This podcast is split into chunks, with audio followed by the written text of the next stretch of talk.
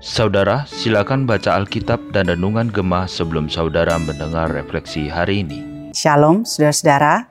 Refleksi Gemah kita hari ini terambil dari Mazmur 104. Sebelum membaca dan merenungkan firman-Nya, mari kita berdoa terlebih dahulu. Mari kita berdoa. Terima kasih untuk kesempatan kembali membaca dan merenungkan firman-Mu Tuhan.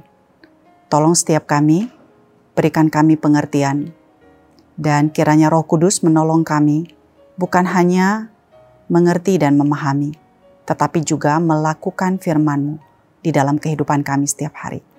Berkati setiap kami Tuhan, dalam namamu kami sudah berdoa. Amin. Mazmur 104, saya hanya akan membaca ayat 1, 24, dan 35. Mazmur 104 ayat yang pertama. Pujilah Tuhan hai jiwaku, Tuhan Allahku, Engkau sangat besar. Engkau yang berpakaian keagungan dan semarak. Ayat 24. Betapa banyaknya perbuatanmu ya Tuhan. Sekaliannya kau jadikan dengan kebijaksanaan. Bumi penuh dengan ciptaanmu. Ayat 35. Biarlah habis orang-orang berdosa dari bumi, dan biarlah orang-orang fasik tidak ada lagi. Pujilah Tuhan, hai jiwaku Haleluya. Saudara, Mazmur 104 dan 103 adalah Mazmur yang hampir sama. Bagian awal dan bagian akhir dari Mazmur ini sama-sama diawali dan diakhiri dengan pujilah Tuhan, hai jiwaku. Perbedaannya saudara, Mazmur 103 adalah Mazmur puji-pujian kepada Tuhan atas karya keselamatan yang Tuhan lakukan bagi umatnya.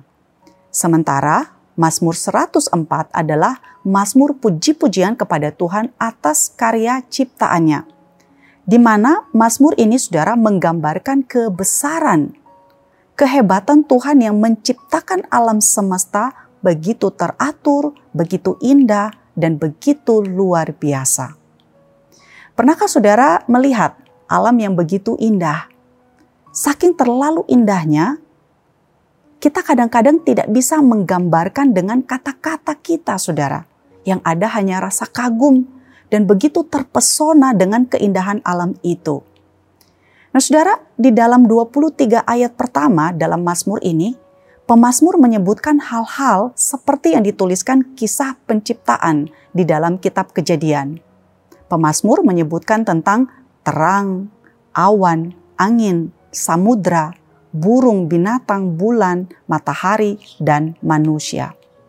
Kebesaran Tuhan, saudara, diperlihatkan dengan gambaran awan-awan sebagai kendaraannya, angin sebagai pesuruhnya, nyala api sebagai pelayannya. Tuhan yang telah mendasarkan bumi ini sehingga tidak goyah. Air pun taat pada hardikannya dan seterusnya. Nah segala sesuatu di alam semesta ini saudara begitu teratur. Dan semuanya itu karena ditopang oleh kuasa Tuhan. Setiap hari matahari terbit dan kemudian terbenam dengan begitu teratur. Bayangkan saudara kalau suatu hari matahari tidak terbit atau matahari tidak terbenam atau gaya gravitasi bumi tidak ada. Pasti dunia ini akan menjadi kacau saudara. Tetapi hal itu tidak terjadi karena ada Allah yang menopang semuanya. Ketika kita melihat langit, saudara, terang, melihat air, awan, api, samudra raya, semuanya itu menjadi saksi dari kebesaran Tuhan. Karena alam semesta sesungguhnya merefleksikan kemuliaan Tuhan. Nah, saudara, dari Mazmur ini sebenarnya kita melihat pemazmur menggambarkan Tuhan yang luar biasa. Bayangkan bagaimana Tuhan mengatur semuanya begitu teratur alam yang begitu indah dan besar, luar biasa. Semuanya itu adalah karya Tuhan, bukan sesuatu yang terjadi begitu saja, saudara, atau terjadi secara kebetulan. Nah, dari seluruh Mazmur ini kita melihat bahwa Tuhan, saudara, mengasihi seluruh ciptaannya, bukan hanya manusia. Sejak semula Tuhan menciptakan manusia dan makhluk lainnya dengan kasih dan kebijaksanaan. Dan kasih dan kebijaksanaan itu ditunjukkan melalui pemeliharaan Allah atas seluruh ciptaannya.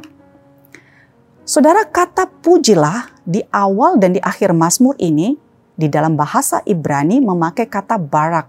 Sangat dekat dengan kata berek dan berak yang berarti lutut dan berlutut atau bersujud. Nah pemazmur saudara hendak mengatakan bahwa memuji Allah diekspresikan dengan sikap sujud yang menunjukkan penyembahan kepada Allah. Pemazmur saudara mengajak kita untuk memuji Allah karena dia adalah Allah yang besar dan mulia. Nah saudara, puji-pujian kepada Allah juga bisa kita wujudkan dengan menjaga dan mengelola, memelihara dengan baik lingkungan dan alam yang diciptakan oleh Tuhan ini. Mungkin saudara masih ingat ya, beberapa tahun yang lalu ketika pergantian tahun 2019 ke 2020, Australia saudara mengalami kebakaran hutan yang terburuk di dalam catatan sejarah mereka.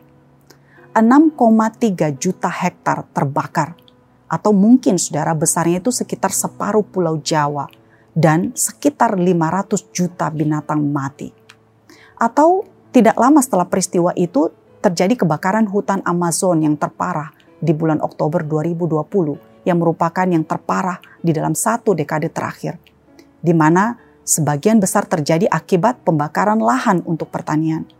Dan hal-hal seperti ini beberapa tahun yang lalu juga terjadi di Indonesia, saudara. Manusia mengeksploitasi alam dan merusaknya. Saudara, Tuhan sesungguhnya memanggil kita untuk memelihara dengan baik alam ciptaannya ini. Menarik sekali, saudara, di akhir dari Mazmur 104, yaitu ayat 35, pemazmur berdoa agar orang fasik dan orang berdosa tidak ada lagi. Nah, kita bisa memahami ayat ini sebagai suatu deklarasi pemazmur tentang mereka yang menolak Allah sebagai pencipta dunia ini. Nanti di kitab Roma pasal pertama, Paulus menyebutkan hukuman kepada mereka yang menolak Allah sebagai pencipta dunia ini dan bahkan mereka menyembah ciptaan daripada Sang Pencipta. Saudara kiranya setiap hari hidup kita penuh dengan puji-pujian kepada Allah sebab sesungguhnya dia adalah Allah yang luar biasa. Dan mari kita memelihara dunia ciptaan Tuhan ini dengan sebaik-baiknya. Amin. Mari kita berdoa mengakhiri renungan kita pada hari ini. Mari kita berdoa. Terima kasih untuk firman-Mu Tuhan. Kami bersyukur Engkau adalah Allah yang mencipta dunia ini dengan begitu indah, begitu teratur, begitu luar biasa. Kami bersyukur punya Allah seperti Engkau Tuhan, dan kami memuji-muji Engkau atas perbuatan ajaib yang Engkau sudah lakukan. Dan tolonglah setiap kami juga Tuhan, supaya belajar untuk memelihara ciptaan alam yang Engkau sudah berikan kepada kami ini. Tuhan berkati dan pimpin setiap kami. Dalam nama Tuhan Yesus, kami sudah berdoa. Amin.